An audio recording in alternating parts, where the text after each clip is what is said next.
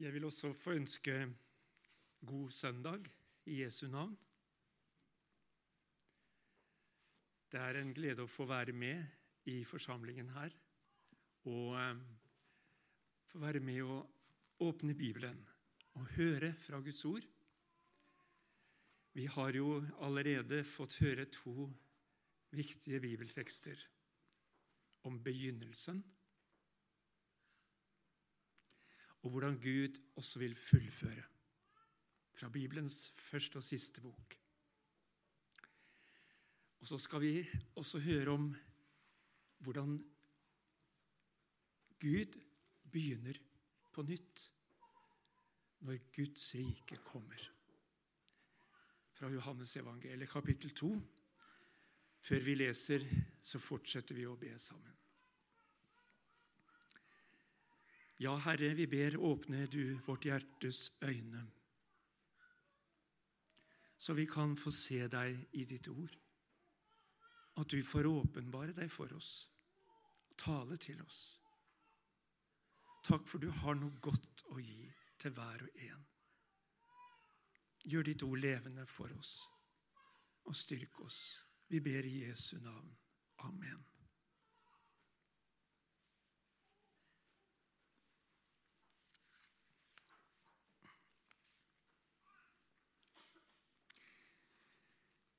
Da leser vi teksten Bryllup i Kana. Den tredje dagen var det et bryllup i Kana i Galilea. Jesu mor var der, og Jesus og disiplene hans var innbudt. Da vinen tok slutt, sa Jesu mor til ham, De har ikke mer vin. Kvinne, hva vil du meg? Sa Jesus. Min time er ennå ikke kommet. Men moren hans sa til tjenerne, Det han sier til dere, skal dere gjøre. Det sto seks vannkar av stein der, slike som brukes i jødenes renhetsskikker. Hver av dem rommet to eller tre anker. Fyll karene med vann, sa Jesus til tjenerne. De fylte dem til randen. Øs nå opp og bær det til kjøkkenmesteren, sa han. Det gjorde de. Kjøkkenmesteren smakte på vannet som var blitt til vin. Han visste ikke hvor den var kommet fra, men tjenerne hadde, som hadde øst opp vannet, visste det. Da ropte han på brudgommen og sa:" Alle andre setter først fram den gode vinen, og når gjestene blir beruset, kommer de med den dårlige. Men du har spart den gode vinen til nå. Dette var det første tegnet Jesus gjorde da han var i Kana i Galilea. Han åpenbarte sin herlighet, og disiplene trodde på ham. Hellige Far, dette var ditt hellige ord til oss. Hellige oss i sannheten. Ditt ord er sannhet. Amen.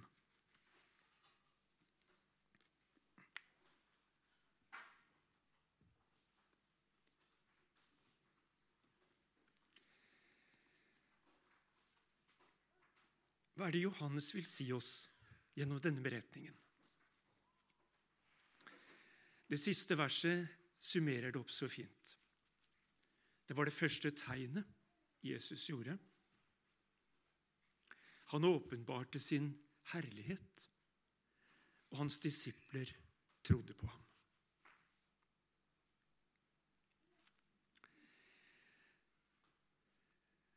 Men vi skal gå veien sammen med Johannes når han tar oss inn i denne fortellingen. Hvert evangelium har jo sitt særmerke, og Johannes vet vi, han skrev jo trolig sitt evangelium etter de andre. Og har ikke med så mye av det de andre forteller, i hvert fall ikke på samme måten.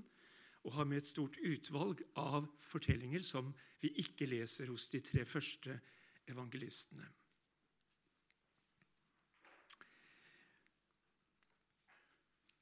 Og Det kan være klokt å se på sammenhengen eh, i kapittel 1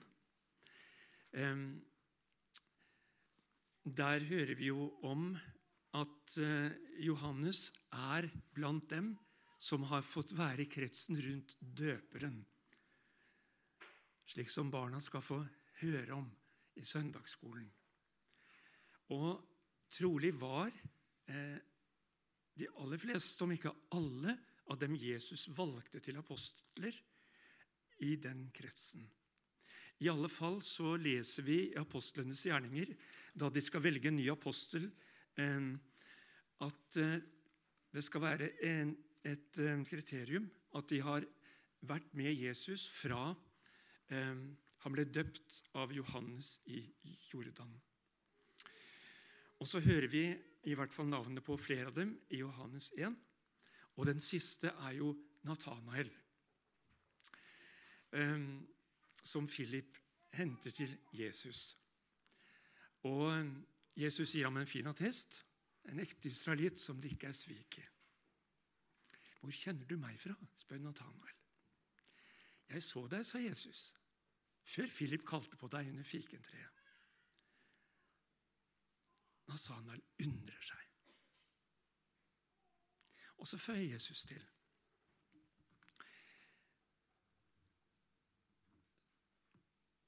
Du skal få se noe som er enda større. Når Guds engler stiger opp og stiger ned over menneskesønnen.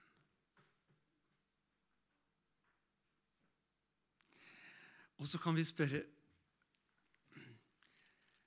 Hva er det som er enda større enn at Jesus så deg og meg først? At han så oss fra evighet av? Før det var noen som kalte på oss her, så var Gud der med sin hånd. Det er trygt å vite det. Det var ikke mitt valg, det var hans. Og så er det som om Jesus innbyr Natanael oss til å bli med videre. Bli kjent med Jesus. Få se det største.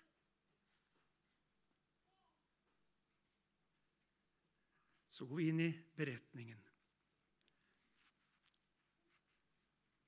Det var den tredje dagen, skriver Johannes, at eh, det var et bryllup i Kana i Galilea.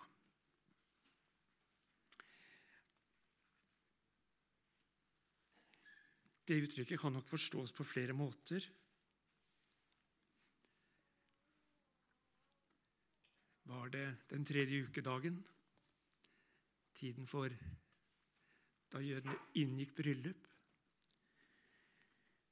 Har det sammenheng med avsnittet foran, der også Johannes stopper opp ved dagene, merkedager? Det er som han skriver dagbok. Viktige dager i møte med Jesus. Um,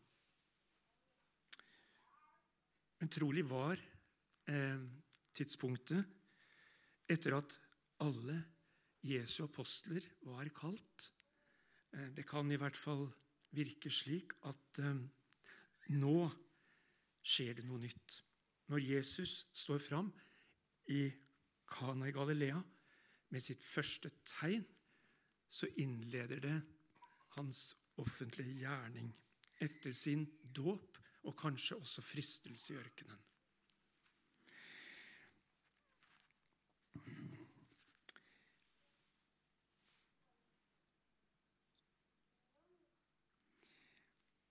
Jesu mor var der.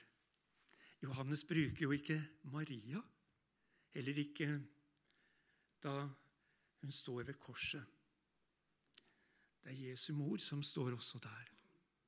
Så vi aner at her har allerede Johannes sett at det nære bånd, det, det har også en annen side. Og Jesus og hans disipler var innbudt til bryllupet. Disiplene eh, hører altså sammen med Jesus. Jesus og hans disipler. Jeg har undret meg litt på om de disiplene er, sitter blant gjestene, eller er de der eh, hvor vi hører Jesus eh, sier og taler, er de der hvor eh, eh, Kanskje litt til side i, eh, i gården, eller der hvor vannkarene står. I alle fall jeg tror disiplene er nær Jesus. De hører sammen. Det ble mangel på vin,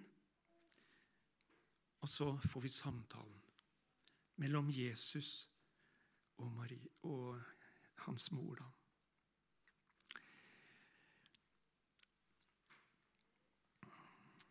Kvinne, hva har du med meg? Min time er ennå ikke kommet. Men Maria, eller Jesu mor, fortsetter hva han sier til eh, Hva han sier til dere, skal dere gjøre.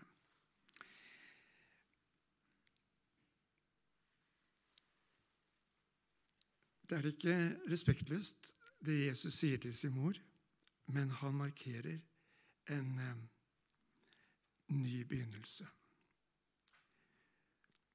Jeg tenker på beretningen vi hører om Jesus som tolvåring i tempelet. Hvor eh, Jesu foreldre, da, Maria og Josef, kommer til ham og finner ham. Og Jesus svarer eh, Visste dere ikke at jeg må være i min fars hus? Eller som det ordrett står, i de ting som hører til min far. I min far. Det er Jesu vei helt fra begynnelsen av. Å leve i Guds timeplan i Hans vilje. Min time er ennå ikke kommet. Men Maria har en tillit til Jesus, og det har vi jo fått med oss kanskje allerede fra juleevangeliet, hvor hun gjemmer ord i sitt hjerte, som gjeterne fortalte. Også i beretningen om Jesus som tolvåring så står det at hun grunnet på det Jesus sier. Så hun har en tillit til hans ord og ber tjenerne gjøre som han sier.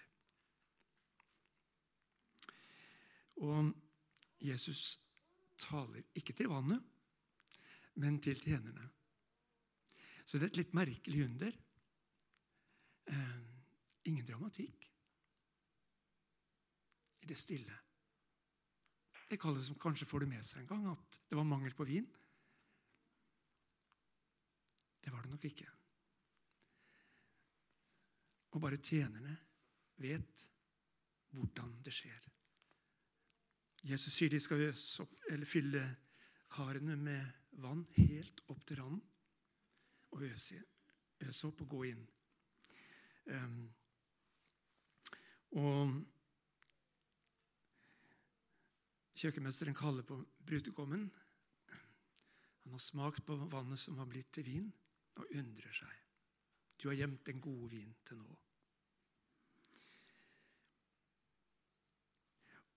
Og I disse uttrykkene så har Johannes en dybde i det han forteller, som eh, det er litt spennende å, å prøve å grunne på den gode vinen.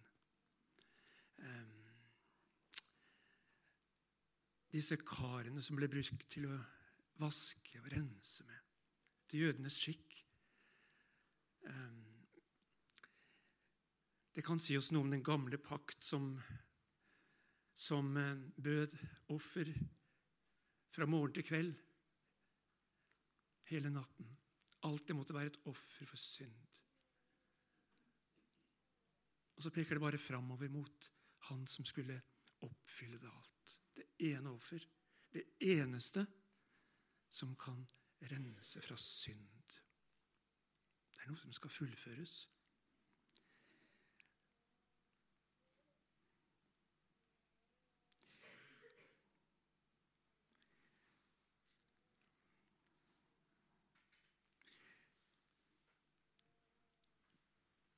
Jesus gjør et tegn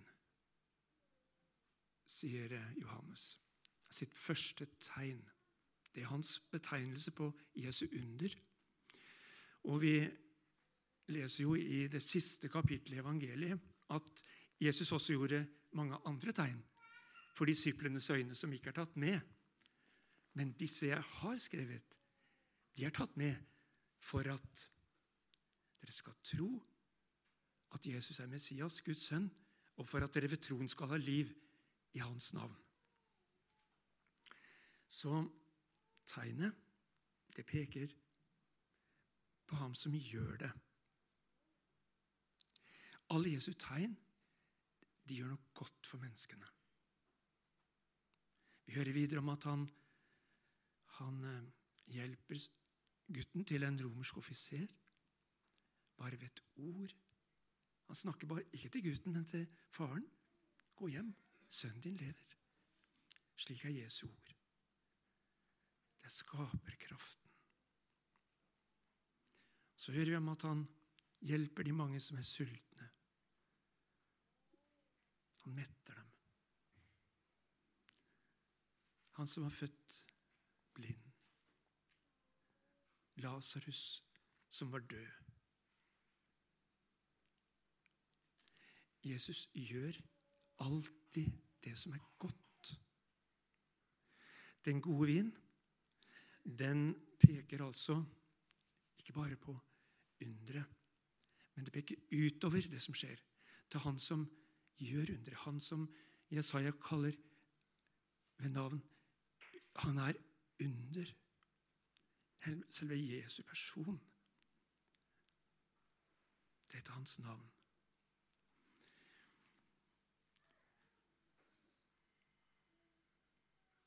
Så tegnet det skal fortelle oss hvem Jesus er. Han er god. Han vil deg det som er godt.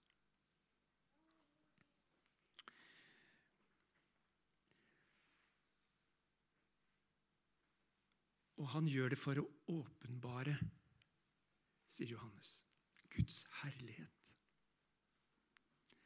Det er et ord som er litt vanskelig å forstå. For vi, det er jo noe som er i Guds nærhet, på en måte, den lysglansen. Noe av majesteten.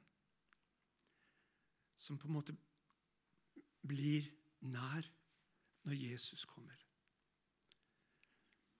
Det som vi ikke kan fatte og forstå selv, det, det mm, skjer når Herren Jesus kommer. Når han får åpne hjertets øyne, så vi får se ham og tro på ham. Hans herlighet. Jeg tenker på det som står i 1. Korinterbrev 2. Det som intet øye så, det som intet øre hørte som ikke kom opp i noe menneskes hjerte. Det er det Gud har åpenbart i evangeliet. Noe som var skjult, som ikke jeg kan få tak i selv. Men så kommer ordet om Jesus. Og så tenker jeg på sammenhengen i Johannes 1. I begynnelsen var ordet hos Gud. Og så blir ordet kjød. Guds sønn kommer til oss i kjøtt og blod. Og så kommer han inn i bryllupet i Kana. Det er liksom Han kommer inn i en ny begynnelse her på jorden. For det var jo det første da Gud skapte mennesket sitt bilde til mann og kvinne og innstiftet ekteskapet. Det første hjemmet. Det var der djevelen kom og fristet til å være ulydig mot Gud og ikke høre Hans ord. Og så har det forplantet seg til alle hjem. Alle ekteskap må også kjenne på de ikke bare de gode, men også de onde dagene. Slik er det i familiene våre. Så kommer Jesus, og så begynner han der. det skal være en, et ord som skal minne oss om det at Herren, han er, han er nær i våre liv, i våre relasjoner, i ekteskap og hjem og familie. Og han vil gi oss noe godt.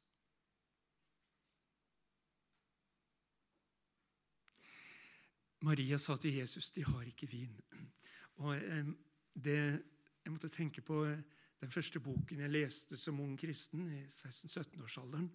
Da fant jeg i bokhylla til søsteren min, et par år eldre enn meg, som var kommet til en kristen tro og bekjennelse før.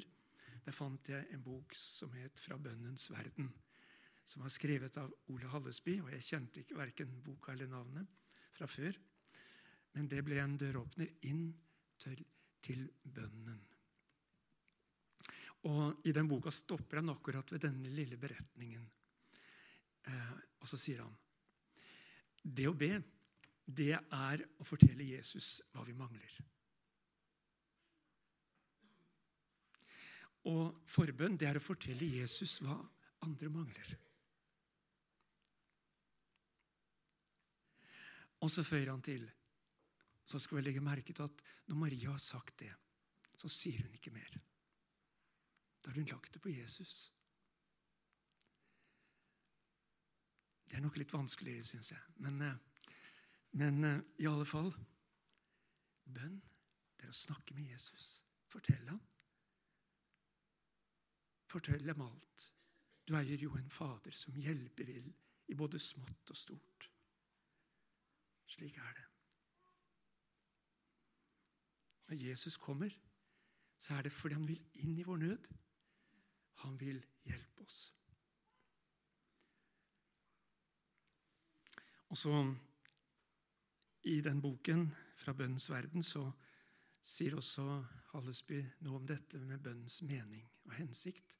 Og stopper ved dette at den dypeste mening i bønnen det er at vår bønn skal forherlige Guds navn.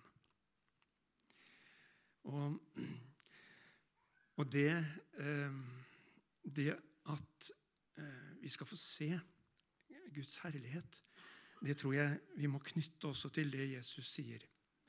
Min time er ennå ikke kommet. For det er jo et ord som peker fram mot eh, den måten Jesus kan, eh, kan bringe oss det beste og det største. I Johannes 17 hører vi Jesus ber til sin far. Far, timen er kommet. Herliggjør din sønn, for at din sønn kan herliggjøre deg. Og Det er jo en merkelig bønn innenfor lidelsen og døden på korset. Men slik har vi lært å kjenne evangeliet. Det er når vi får se eh, han som døde for meg, at jeg virkelig får se Guds herlighet åpenbart eh, i eh, Som kan frelse meg. Han døde i mitt sted. Jesaja har jo tegnet bildet på forhånd. Um, han hadde ingen herlig skikkelse. Vi gledet oss ikke ved synet av ham, fordi han nettopp skal bringe oss den herlighet som vi trenger ved å gå korsets vei.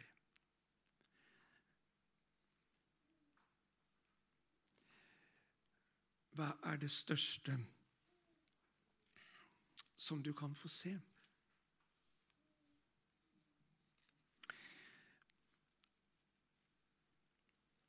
Johannes eh, gir oss eh, kanskje en oppsummering når han skriver i sitt første brev, kapittel 3. Eh, se hvor høyt Faderen har elsket oss. At vi får kalles Guds barn. Og vi er det. Alle Jesu tegn og alt det Jesus er og har gjort, det sikter fram mot dette. At jeg skal få se hvor høyt jeg elsket ham, og at jeg får være hans barn. Og så hadde jeg lyst til å ta med noe av den overfloden, de fylte karene til randen Slik er det av det Jesus gir oss, så er det nåde nok for hver ny dag. Fra Efeserbrevet, kapittel 2.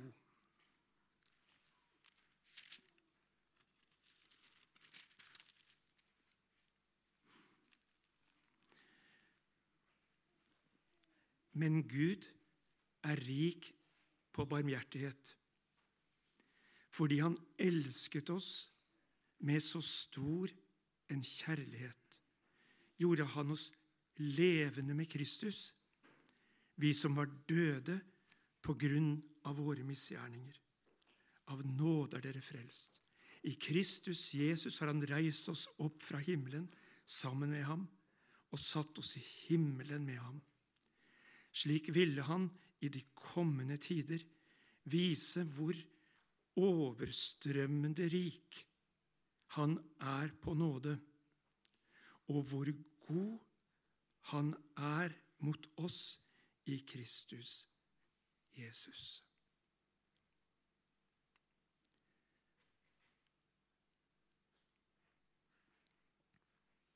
Har du fått sett hvor god Gud er?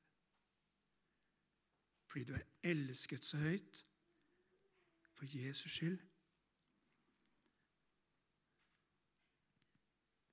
Da har vi fått se kanskje det største. Og så er det slik brudgommen elsker sin brud. Slik åpenbaringsboken fortalte oss. Um, det bildet som går helt fra begynnelsen av, og som vi trenger å minne hverandre om i dag, både når det gjelder ekteskap og når det gjelder Guds menighet. Det er brudgommen som vil vinne sin brud, og som innbyr oss til bryllupsmåltidet. I dag skal du få komme som kanskje ikke helt ennå har fått se hvem Jesus er. Han tar imot deg. Du er innbudt til bryllup i himmelen. Salige er de som er innbudt til lammets bryllupsmåltid. Herre Jesus, takk for du kommer i dag til oss, fordi du har noe godt å gi. Takk for evangeliet. Herre, vi ber at du må la oss få smake og kjenne at du er god. Det kan være vanskelig å forstå, Herre, under korset, under prøvelsen. Men Herre, vi ber, gi oss nåde til å få hvile at du får gjøre din gjerning med oss, fullføre den, den som du begynte, den gode gjerning. At du får fullføre den inntil Jesu Krist i dag. Ære være Faderen og Sønnen og Den hellige ånd, som var, er og blir en sann Gud, fra evighet og til evighet. Amen.